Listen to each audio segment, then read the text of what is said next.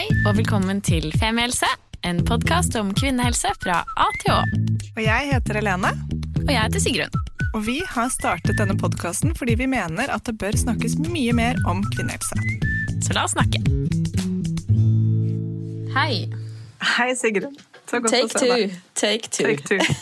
Ja, vi tok akkurat opp en, en prestart her, men Sigrun sitter på kontoret, og det kom noen inn på kontoret som nærmest dro isopor over panna på Sigrun for å skulle flytte noe greier, så da måtte vi begynne på nytt. Ja, Så vi egentlig allerede vært igjennom gjennom hele historien om at jeg har farget eh, bryna mine, ser ut som Angry Bird, ser ut som Cruella de Vil, hvordan jeg skulle bruke dette på dugnad. Men eh, det, er, det er i hvert fall der vi sitter nå. Det er der vi sitter nå. Ja.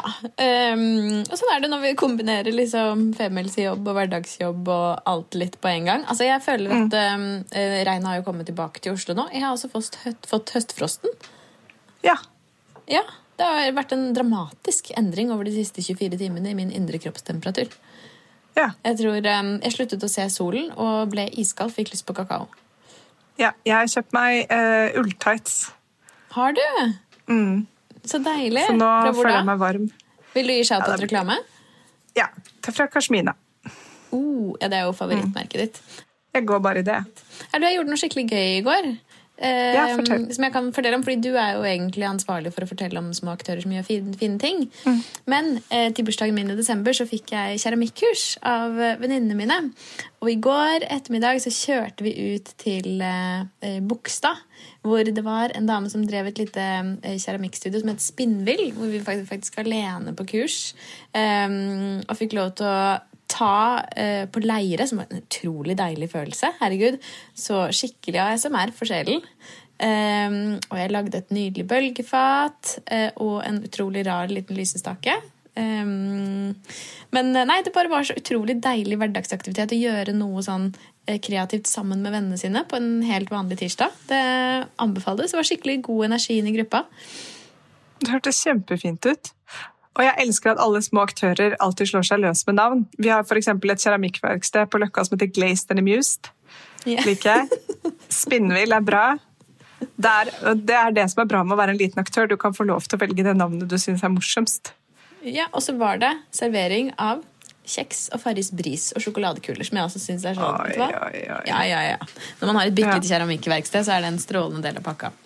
Så koselig. Altså, Det anbefales å gjøre en vennegjeng, eller jeg tenkte kanskje også familie. hadde vært skikkelig gøy. Ja. ja, det skal jeg teste ut en gang. Kan tenke meg å ta mer på leire. Ja. så bra. Dette, denne episoden som vi skal spille inn nå, det er Ja. en episode eh, Straight to the serious jeg- business, Helene. Ja, dette er mine nyfargede øyenbryn gjør meg mer seriøs og mer Ja. på sak. Ja, jeg skjønner. Eh, dette er en episode vi har prøvd å få til de siste fire årene. Og veldig mange som har spurt oss om vi kan lage om, eh, en episode om ME. Men det, eh, mine damer og noen herrer, det er vanskeligere enn man skulle tro. Fordi eh, ME omfatter jo eh, en, Det er en stor pasientgruppe. Det er veldig stor eh, variasjon i symptomer og plager og sykdomsbildet. Og ikke minst så er det en stor eh, variasjon i, i hva skal man kalle det, årsak eller ikke-årsak. Eh, pluss at det er et ganske betent tema, dessverre. Det er jo en, en opphetet debatt om, eh, om ME og behandlingsmetoder og diagnostisering og det ene med det andre. Så vi har faktisk, eh, Det har ikke, det har ikke blitt levert oss liksom helt på et sølvfat de siste årene. Noen som har sagt 'jeg forsker masse på ME', jeg vil gjerne komme og snakke med dere om dette'. Um, ja. Men vi fikk et hot tips om noen damer som vi skal snakke om i dag. Men eh, litt efter at det har vært en opphetet debatt. Jeg har jo en, en søster som eh, dessverre har slitt med denne, dette i, i mange år. Nå er hun mye bedre, men da jeg fortalte henne at eh, skulle, eh, vi skulle spille den episoden, så var det første hun sa sånn Ok, supert, bare lov meg at eh, dere ikke bare sier at folk er slitne. Så um, det syns jeg vi skal komme litt tilbake til etterpå. Men um, skal vi kanskje introdusere disse to eh, fantastiske damene? Ja, la oss gjøre det. For vi er så heldige å ha fått besøk av Silje Haugland og Bjørg René inne i studio her. Eh, Nei, ikke inne i studio, inne i stua, inne i skjermen, inne i videoen. Så kanskje dere har lyst til å presentere dere selv og hva dere jobber med. Silje, vil du begynne? Ja. Oh, og jeg kjente i sted, når du sa at nå eh, har dere prøvd i fire år, så fikk jeg litt høy puls og kjente Uff, ja, så betent er det, og så vanskelig er det å kanskje stille opp og snakke om. Men, eh, men, eh, men, veldig klar. Så jeg heter jo da Silje Mele Haugland og har eh, sammen med da Bjørg her jobbet i CFSM-poliklinikken på Haukeland siden vi startet den i 2012. Og der jobber jeg som sykepleier. Ja. Mm. Mm, kjempefint. Og Bjørg? Jeg heter Bjørg Rene, ikke René, Rene, og er ergoterapeut i eh, teamet som jobber med eh, ME-pasienter. Og vi er et eh, rehabiliteringsteam. Og jeg òg har jobba der da, som Silje sa, i ti år. Vi har tiårsjubileum i år, faktisk. Wow, så okay. fint. Wow. Tre oppfølgingsspørsmål bare før vi begynner, egentlig. CFSC, hva står det for? Kronisk utmattelse. Kronisk utmattelse, ikke sant. Altså det er chronic fatigue syndrome. Ja. Ja, ok, Så det er bare den engelske forkortelsen. Ja. Og er det sånn at For dere holder jo til i Bergen. Uh, finnes det poliklinikker for dette i hele landet? Ja, altså uh, Det er uh, jo svært varierende. Vi har jo i Bergen en stor poliklinikk der Bjørg og jeg jobber. Og så har vi med i teamet en lege, en fysioterapeut, en sosionom og en psykolog som vi tenker alle er nødvendig inn til denne pasientgruppen. Ellers i landet så er det jo ganske varierende. Det er mange som driver med utredning, men ikke type rehabilitering, behandling, det man vil kalle det for. Og noen har bare sykepleiere, noen steder er det fysioterapeut, kanskje lege. Så, så det er ikke likt. Det er ikke likt mm. i hele landet. Nei må jo tilføye for å komme til vår poliklinikk, så må de ha fått diagnosen ME. Riktig. Det er på en måte inngangen. Så de har fått diagnosen eh, enten hos fastlegen eller på eh, en avdeling på sykehuset. Skjønner. Hadde du et oppfølgingsspørsmål til, Siggen? Nei, det var visst bare to. Det, det var dekkende. Um, jeg, ble, nå ble jeg, egentlig mest, jeg ble mest opptatt av å, av å glede meg til å stille hovedspørsmålet hva er egentlig hjemme?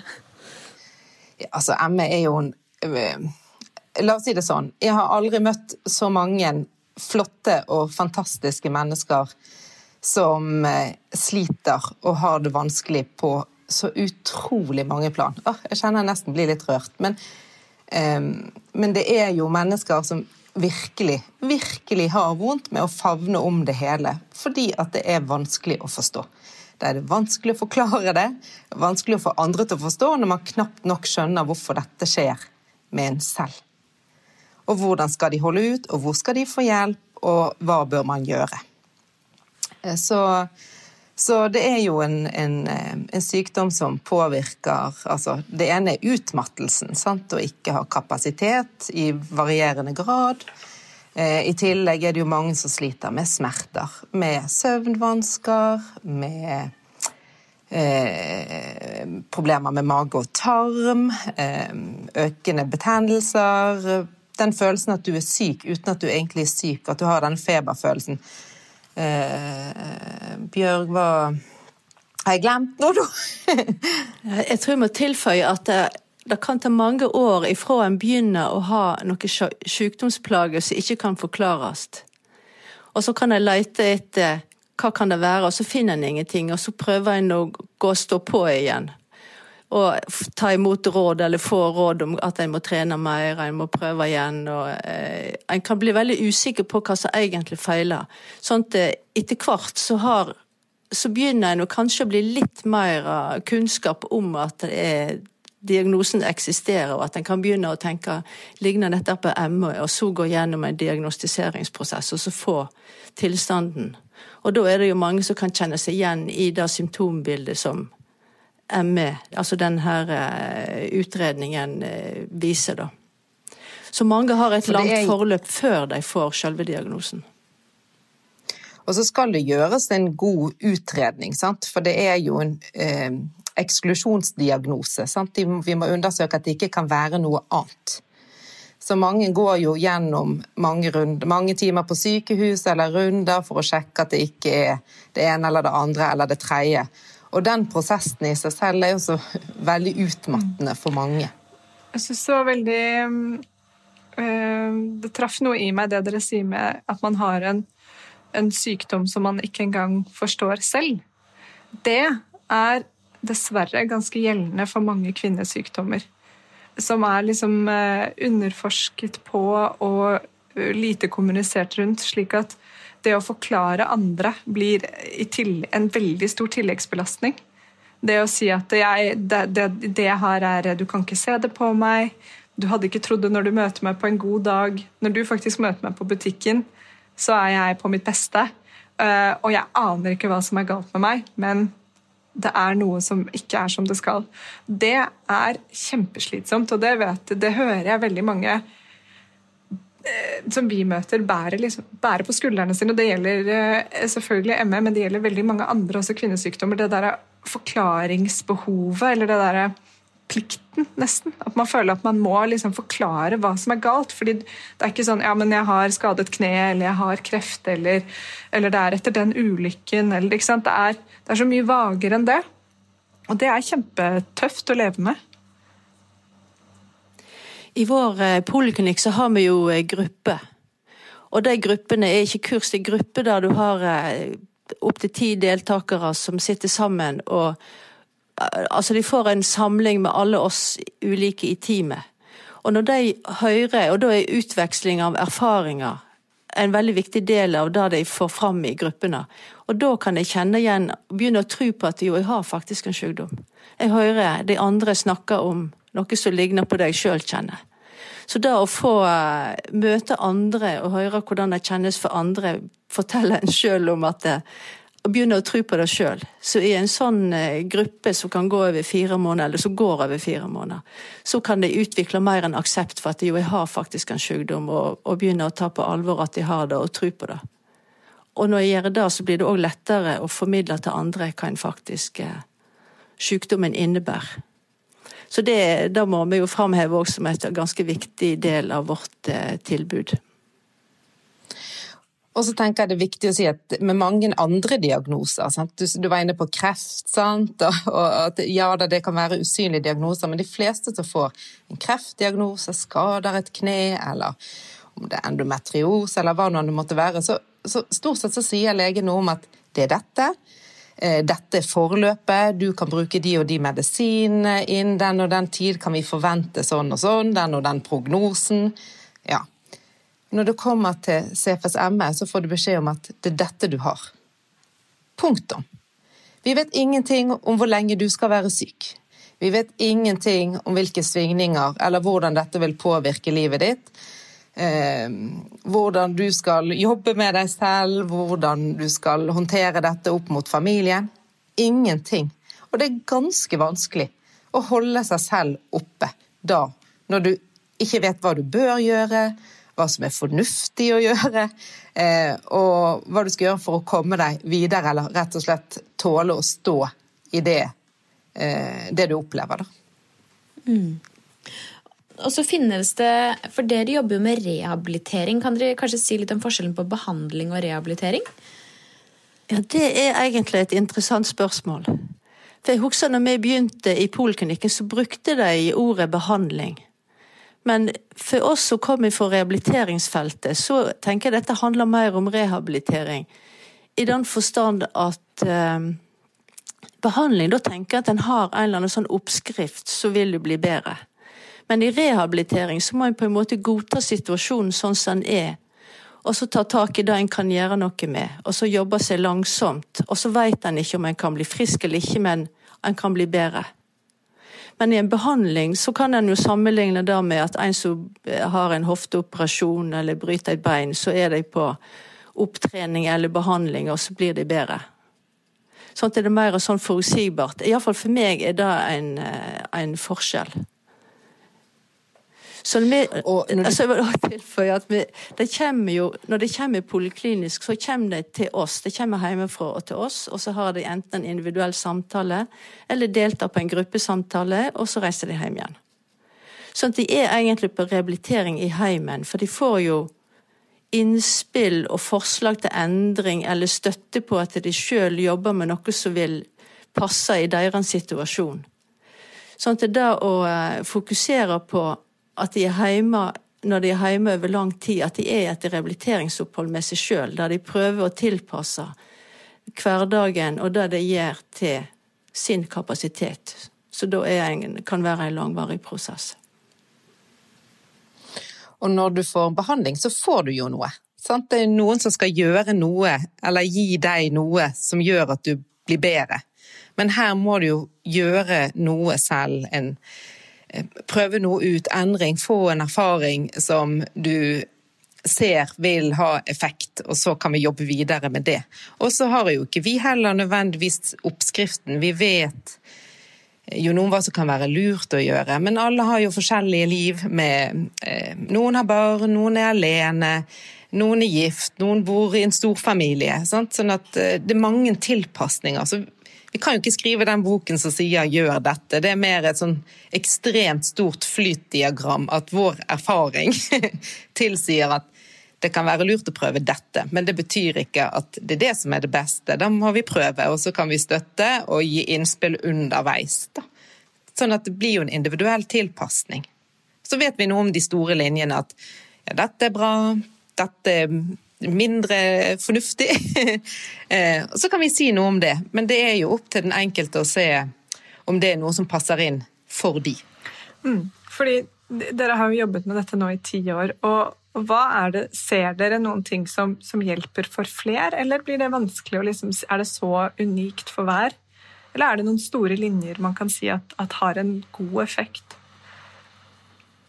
Nei, det, det, er jo noen store linjer. Altså, vi, har, vi, er jo seks ulike faggrupper som har hvert våre jeg si, fokus i uh, oppfølgingen. Og i disse læring- og mestringsgruppene så holder vi oss til de fokuset. Sånn at det hjelper jo, sånn som Silje som jobber med søvn og ernæring, det hjelper jo å ha struktur på dagen, faste, regulerte måltid. Og jeg jobber med hverdagen, og det hjelper jo å forholde seg til hva er det ok, hva får jeg til, hva kan jeg gjøre? Og bruke erfaringer til å lære seg å dele opp oppgaver, porsjonere ut hvordan jeg bruker energien. Eh, planlegge hvileøkter og tenker at eh, Altså jobber mentalt med at Bruker nye spilleregler, som vi sier. Jeg kan ikke De gamle vanene fungerer ikke lenger. Jeg må lage nye vaner. Jeg kan ikke ta hele huset igjen én gang. Jeg må kanskje bare ta tørke kjøkkenbenken i det jeg klarer, og så må jeg gjøre noe annet, eller ta en pause. Sånn, det er Vi introduserer jo det vi kaller mestringsstrategier. Så det å øve seg på å hvile uten at det skal være med å sjekke mobilen eller se TV, det er jo nytt for mange. Da sier vi at det er jo en måte å slappe av på, og det er en viktig del av hverdagen. Mens hvile kan være at en har restituerende øvelser som mindfulness, meditasjon, kroppsskanning, altså pusteøvelser. Og da er det noe som en må introdusere i hverdagen og få det til å passe inn. Fordi det jeg liksom hører, da, er at um, alt Eller det du snakker om her, det dere snakker om her, er jo uh, ting som ville vært bra uansett hva slags sykdom du har, nesten. ikke sant? Hvis du har hatt et hjerteinfarkt, så er dette lure ting å ta tak i.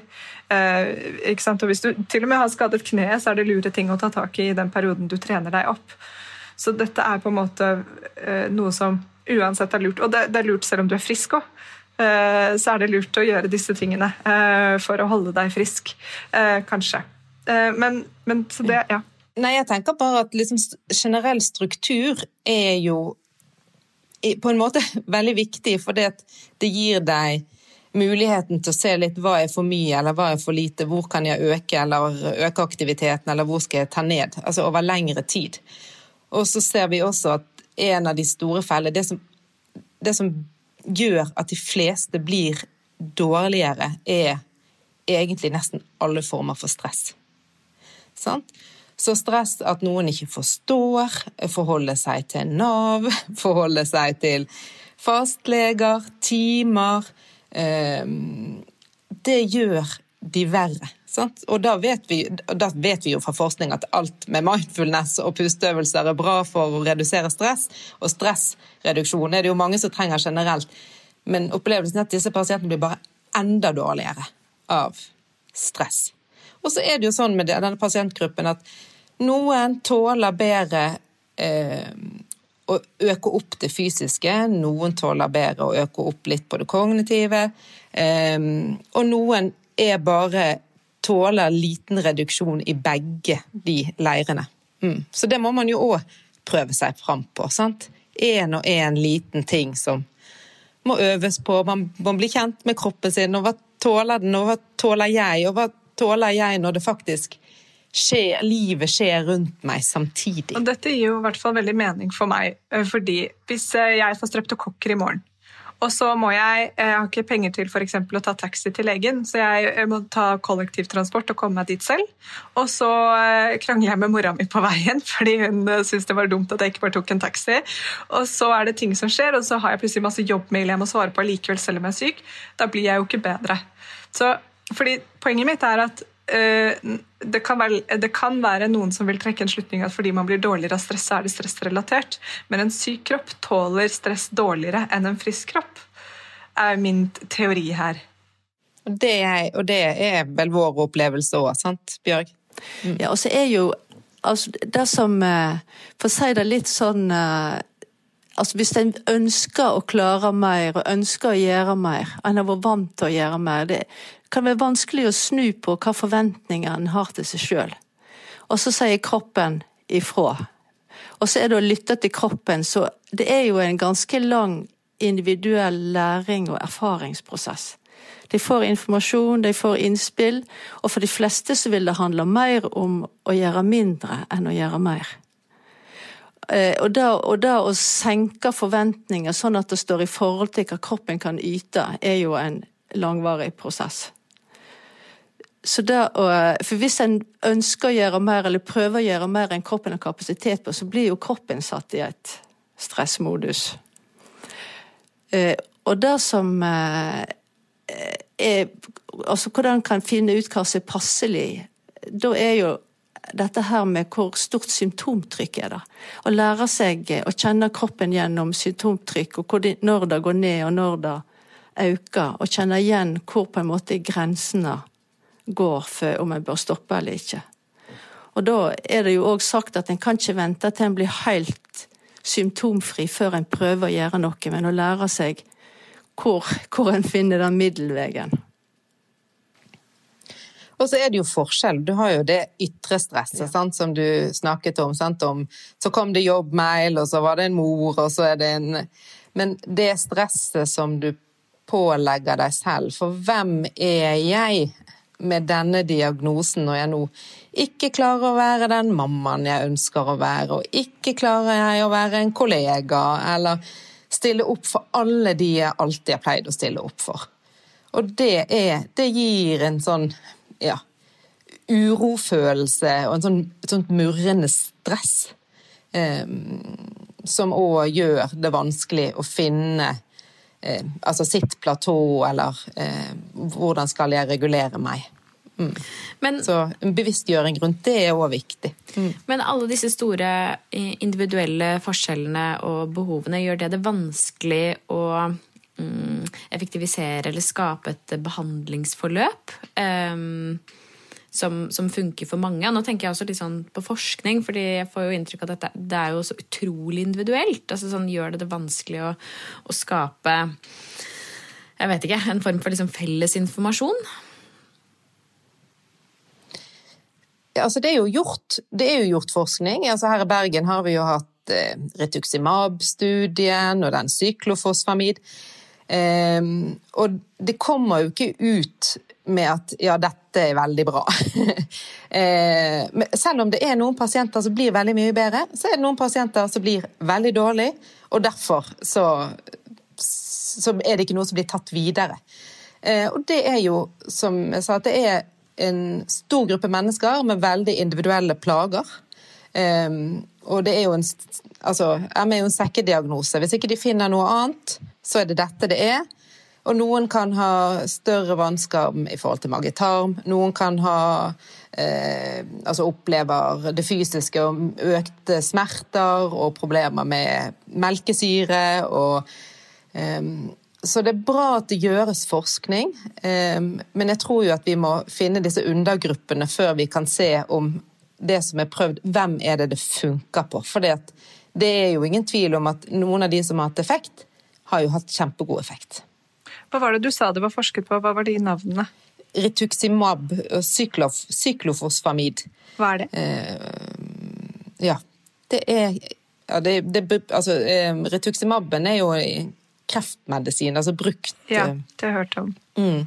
Så det var jo en tilfeldighet som ble gjort på Haukeland. at det var en ME-pasient som var inne for å få denne behandlingen, og ble plutselig veldig mye bedre fra sin ME. Og så tok eh, disse legene, Fluge, Fluge og Mella, det videre og fikk forske på det. Og så har de gått videre og prøvd noen andre medikamenter, men, eh, men eh, det er jo en stor gruppe. og det er, det er, det som er så Det er en så stor gruppe, og det er jo det som er interessant, det er jo å finne ut av hvordan man kan snevre den gruppen inn for å kunne gjøre forskningen.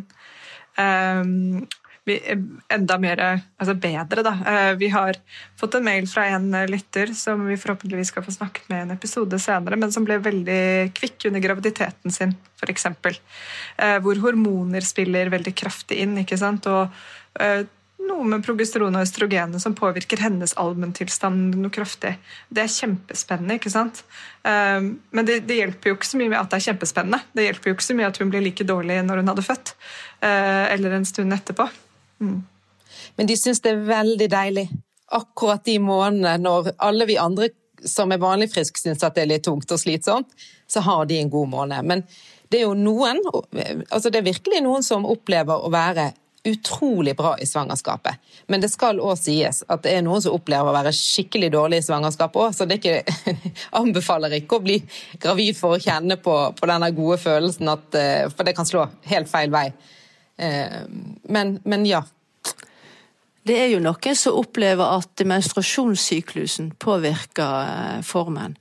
Og kan ha både altså, i, eh, ha sånne repeterende dårlige perioder som er gjenkjennbart i syklusen.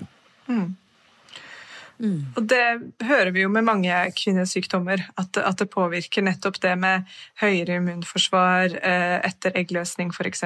versus lavere immunforsvar.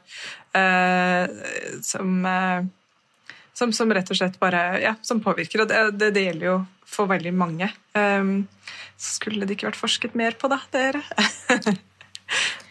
ja, og det er jo Universitetet i Bergen, de driver jo og forsker, og eh, altså eh, nå skal jeg snakke for meg selv. Sant? Jeg har, ikke vært inne og lest veldig mye på det. Jeg vet at det foregår, og at de eh, Da, det, da ser de jo på nivå, nivåer i blodet for, sånn som jeg har forstått det, å kunne lage subgrupper.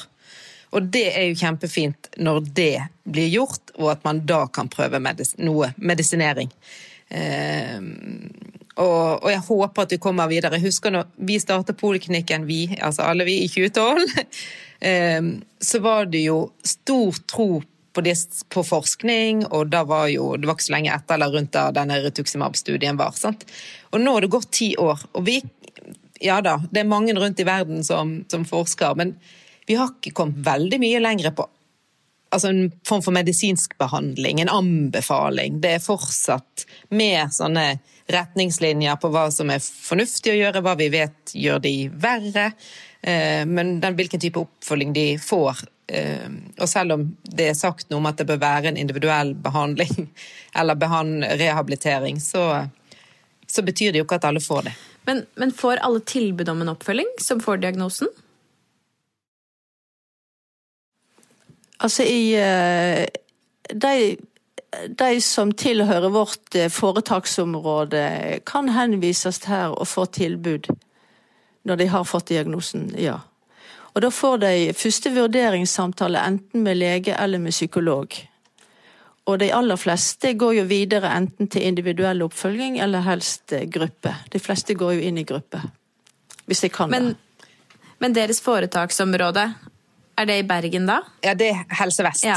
Det er Helse Vest. Eller Helse Bergen, rettere sagt, for de har jo et tilbud i Stavanger òg. De prøver jo å ha tilbud i de ulike foretakene i Helse Vest.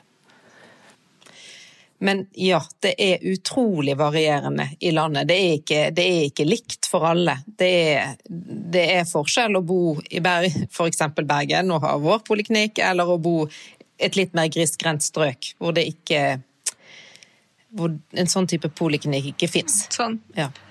Nei, Så det er sånn er det jo det er ikke dessverre i. Norge. At uh, det er ikke likt på det meste eh, når det kommer til helsetilbud. Uh, så man skal ha flaks med hvor man bor, rett og slett. ja. Og det kan føles så urettferdig. Vi nevnte det så vidt i sted, Silje, at du også da jobber med kosthold. Ja. Er det noen, er det noen generelle råd der? Hvis vi tar for oss, så Helsedirektoratet har jo en sånn type guideline for ME. Og der står det jo at det er ingen generell anbefaling eh, hva sier seg kosthold. Men, eh, men jeg tenker at her må vi jo ta utgangspunkt i opplevelsen. For jeg har aldri møtt så mange mennesker som plutselig har begynt å reagere på så mye forskjellig mat. Eh, sterk mat, ulike mattyper, eh, eh, laktose, gluten, sukker, eh, stivelsesprodukter. Altså det er ganske varierende. Um, så jeg tenker at hvis du selv opplever at det er noe, så prøv å ta det vekk i seks uker, og se om du merker en forskjell. Og hvis ikke det er altså en, en endring, så kan jo man prøve én ting til. Men én ting om gangen, gjerne, sånn at du ser om det og Er det dette, eller er det, er det noe annet, eller er det enda en ting til? Men de tingene som, som går igjen, er i hvert fall sukker, gluten, laktose på det meste. Så er det jo noen som har noen allergier, og noen som har har hatt noen intoleranser før også, så de vet om det. Men, øh, men, men absolutt mye magevondter. Mage, altså mer, mange får jo en diagnose med en IBS, sant? en irritabel tarmsyndrom.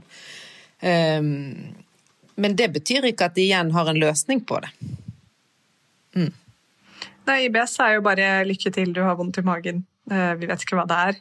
Uh, som tar tid å finne ut av uh, selv. Um, som jeg, ja, som jeg har vært igjennom, i hvert fall. Og, men det er jo det er, Dette med kosthold er jo så utrolig spennende, på en måte. For det er jo um, Mat kan man jo bruke som en form for medisin, men samtidig så er det ikke gitt at det hjelper alle hvis det er noe annet underliggende. ikke sant? Så Det er jo det som igjen gjør det så vanskelig. fordi Eh, som en ME-pasient så kan jeg tenke meg også at det er ganske frustrerende hvis du f.eks. går over til et veldig strengt la oss kalle det eh, antiinflamatorisk kosthold da, og holder deg unna gluten og laktose og alkohol og sukker og lever veldig strengt. Men så er det nei da, du hadde et eller annet skjult virus, eller det var noe, noe bakomforliggende fra langt tilbake. Så det er, en, det er liksom en det, det, det er et tungt ansvar å bære å ha en sånn type sykdom og prøve ut alt mulig rart.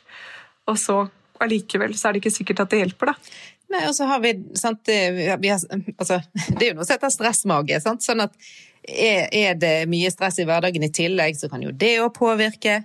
Men altså, det som er anbefalt i forhold til en IBS i dag, er jo å prøve ut FODMAP. Men for mange jo, som har denne diagnosen er utmattet, utmattet så er det ganske mye å ta inn over seg, for den er ganske omfattende. Noen, noen syns at det fungerer greit, men de fleste vil synes at det er for voldsomt.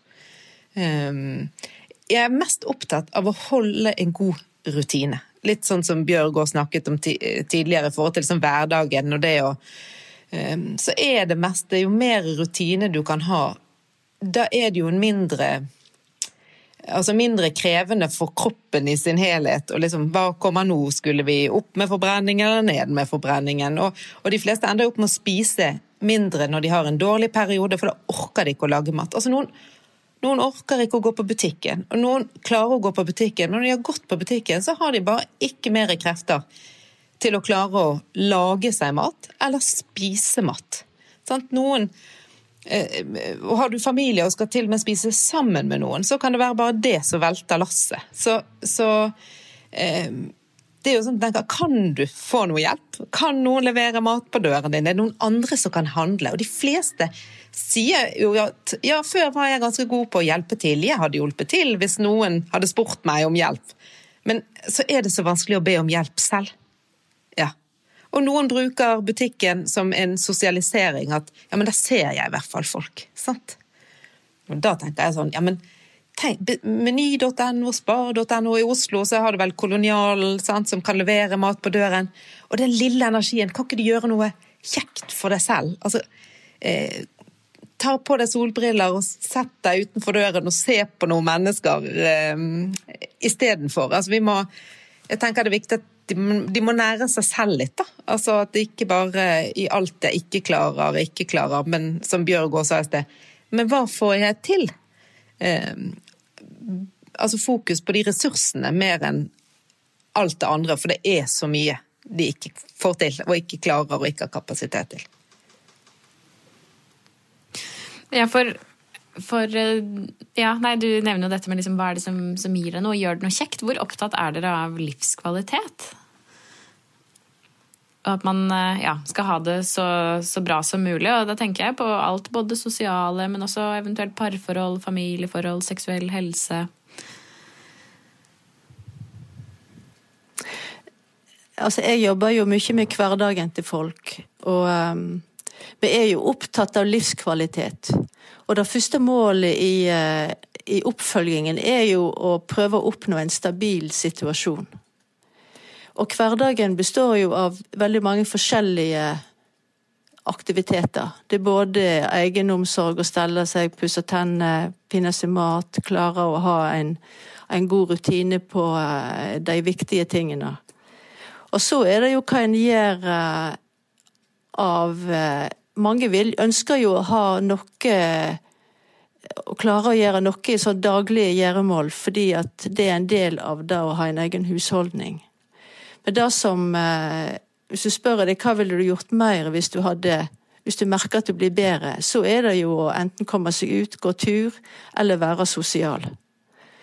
Og det å være sosial tror jeg nesten alle sier er det mest krevende en kan gjøre. Og det er vanskelig å regulere. Det er lettere å dele opp oppgaver i heimen så han har kontroll på sjøl, enn å regulere innsats eller tilstedeværelse sosialt.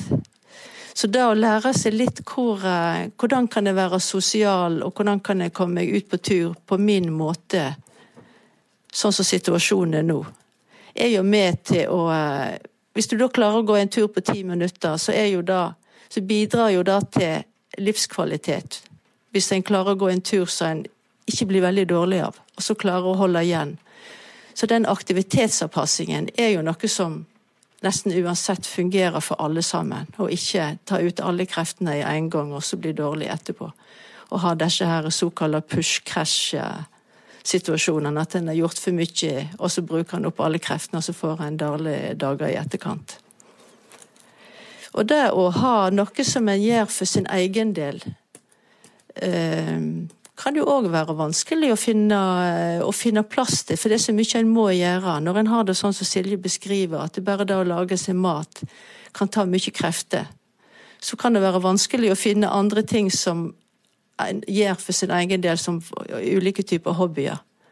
Men samtidig så eh, er det viktig å ha noe som en kan holde på med, så en ikke blir eh, utmattet av, meg, så en kan Altså Mange liker jo å strikke, hekle, altså håndarbeid, lese, høre lydbøker.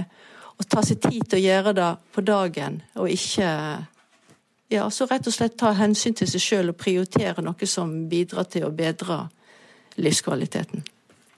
Og det gir jo påfyll på mental helse, sant? og vi er jo et samfunn opptatt av god mental helse. Og som du nevnte litt tidligere, Bjørg, sant? dette med at eh, på et tidspunkt så er det jo det å tørre å utfordre seg igjen. Sant? På hvor mye tåler jeg, ikke tåler jeg. Og, og har en sånn, i hvert fall en sånn tanke om at når du har gjort utrolig mange erfaringer om å gå i besøk, la oss si til din beste venninne, det er bursdagsbesøk, og du blir invitert igjen. Eller et annet type besøk igjen. Og så har du gjort deg noen erfaringer om at det der å gå i det besøket, det er kjempekrevende, men jeg skal nå gå. de fleste vil da stresse en del i forkant, bare fra invitasjonen kommer. Skal jeg gå, skal jeg ikke gå, hvordan er dagen min den dagen? Eh, kommer jeg til å bli dårlig, kommer jeg ikke til å bli dårlig? Og så bestemmer du deg for å gå. Så går du, så er du helt utslitt. Og i etterkant så ender man opp med å gi seg selv dårlig samvittighet, for jeg gikk. Jeg visste jo at jeg kom til å bli dårlig. Dette skulle jeg aldri ha gjort. Det er så typisk meg. Um, og det å øve seg på å gjøre f.eks. en aktivitet litt mindre Jeg skal komme i et besøk, men jeg skal bare denne gangen være 20 minutter. Og senke det stressnivået i forkant. Grue seg til, til hvordan uh, aktiviteten skal gå, og hvordan du skal kjenne deg etterpå. Um, så tenk at da vil hvis du senker det stressnivået, så vil du klare mer av aktiviteten. I tillegg så vil du få en god følelse etterpå. Jeg holdt meg til planen, det gikk fint. Sant? At det er jo noe med å snu litt de der eh, Snu litt, snu litt på tankene. Jeg sier ikke at man skal liksom Dette bare har med tankene å gjøre, men det, altså det henger jo sammen. Stress, tanker. Hva tenker jeg om meg selv, og hva jeg gjør, og hvordan det kjennes. Sant? Så, eh, så det er absolutt viktig å prøve å utfordre seg etter hvert, men ikke gape over for stort. Mm det gir veldig mening, og det er jo Jeg tenker ut ifra det dere forteller, og til min egen erfaring, og at det er en sykdom som selvfølgelig har stor påvirkning på den mentale helsen, og hvordan man har det, og jeg antar at mange eh, ja, at det er veldig, veldig tøft eh, å ha en, en, sykdom som man ikke vet hva vil innebære, og hvor lenge den vil vare, og hvordan det vil påvirke livet. Så nei, veldig glad for at det er noe dere har fokus på. Um, er det noe dere føler at vi har glemt, eller har lyst til å legge til før vi begynner å runde av? Ja, jeg, jeg, kunne tenkt meg å bare nevne dette her, for det er det veldig mange som opplever. Da er jeg litt tilbake til dette her symptomtrykket, som kan fortelle litt hvor jeg er i, hvor er jeg i min forbruk, for å si det sånn, av kapasitet. For det er en vanlig problemstilling at hvis en da våkner og har en bedre dag og kjenner at en er bedre, så er det veldig mange som tenker 'å ja, men nå er jeg jo frisk'. Og så setter de i gang å gjøre mye av det som en har ikke klart de andre dagene. Og så blir en dårlig igjen i ettertid. Og da er jo vårt, eh, vårt eh, råd å si at det, kanskje det er bare en følelse. At det, det, første tegnet til bedring kan være at en har et lavere symptomtrykk. Kanskje det er nå du gjør det passelig. Så ta det med ro og ikke bruk alt. Ikke gi alt på gode dager, men holde litt igjen. Og så kan en jo nyte det og så tar det lengre tid før kapasiteten eh, bygges. Men at det er mer en sånn eh, steg på veien. Og så har jeg òg lyst til å si det som Silje var inne på, dette her med at erfaringer er jo eh, kan en jo også, Det som en opplever at dette her ble altfor mye, at det kan ikke gjøre mer, å bruke en sånn erfaring konstruktivt og tenke ja, hvis jeg skulle gjort det på nytt, hvordan ville jeg da gjort det? Sånn at det var mer passelig sånn som du var inne på. Så det å snu erfaringer til en sånn evaluering av hvordan fungerte det, og hva kan jeg gjøre annerledes neste gang, det er jo det som er den på en måte langvarige læringsprosessen. Der er kun en sjøl som kan si noe om eh, hvordan er det for meg, hvordan kan jeg regulere dette her. Hvordan kan jeg eh, Hvor går mine grenser? Så det er jo dette som er den langvarige prosessen med å finne ut av det. Mm. Så fint. Um, jeg tror vi kunne snakket veldig lenge om dette, og, og, vi har fått inn veldig mange spørsmål som vi Jeg skulle virkelig ønske vi bare kunne svart på alle spørsmålene. Og ikke fordi uh, ikke at vi ikke tar oss tid, men fordi mange av de spørsmålene dessverre ikke har et svar. Um, men uh, det var veldig veldig fint å ha dere på besøk, Silje og Børg. Dette ble, syns jeg, en, en, god episode om det å ta vare på seg selv når man er syk. Og så håper jeg at Femihelse snart uh, kan fortsette å levere episoder på ME som er bare sånn ting, ting, Gjennombruddet er her, eller vi kan dele dette, og nå skjer dette, og Ja. Så til deg som hører på og står i dette, bare Ja, all medfølelse og mm, Jeg skjønner at det er beintungt. Og så håper jeg at du får eh, noe form for hjelp som gjør, eh, gjør det lettere å være syk. Mm. Så tusen takk, dere. Takk, Sigrun. Takk. ja, takk for at vi fikk komme. Ja, takk for at vi ble invitert. Takk til dere som hørte på. Og så eh, får dere sjekke ut da, poliklinikken på Haukeland, dere som hører på. Og så, eh, hvis dere har fått diagnosen, og så eh, kanskje, kanskje det er plass til dere. Kan du håpe på det. Mm. Ok, ha det bra, så snakkes vi. Ha det. Ha det. Ha det! Tusen takk for at du hørte på podkasten vår. Selv om det forhåpentligvis kommer tydelig frem, så vil vi understreke at vi ikke er helsepersonell. Ja, så Som vanlig, kontakt legen din om du har noen spørsmål, eller om du skal begynne på noen form for behandling. Og har du et tema som du har lyst til at vi skal snakke om, eller noe ris eller ros, så send oss gjerne en melding på Facebook eller på Instagram. Der finner du oss under Femihelse. Og du kan gjerne rate oss på iTunes, det er skikkelig hyggelig for oss. Ha en fin dag! Ha en kjempefin dag.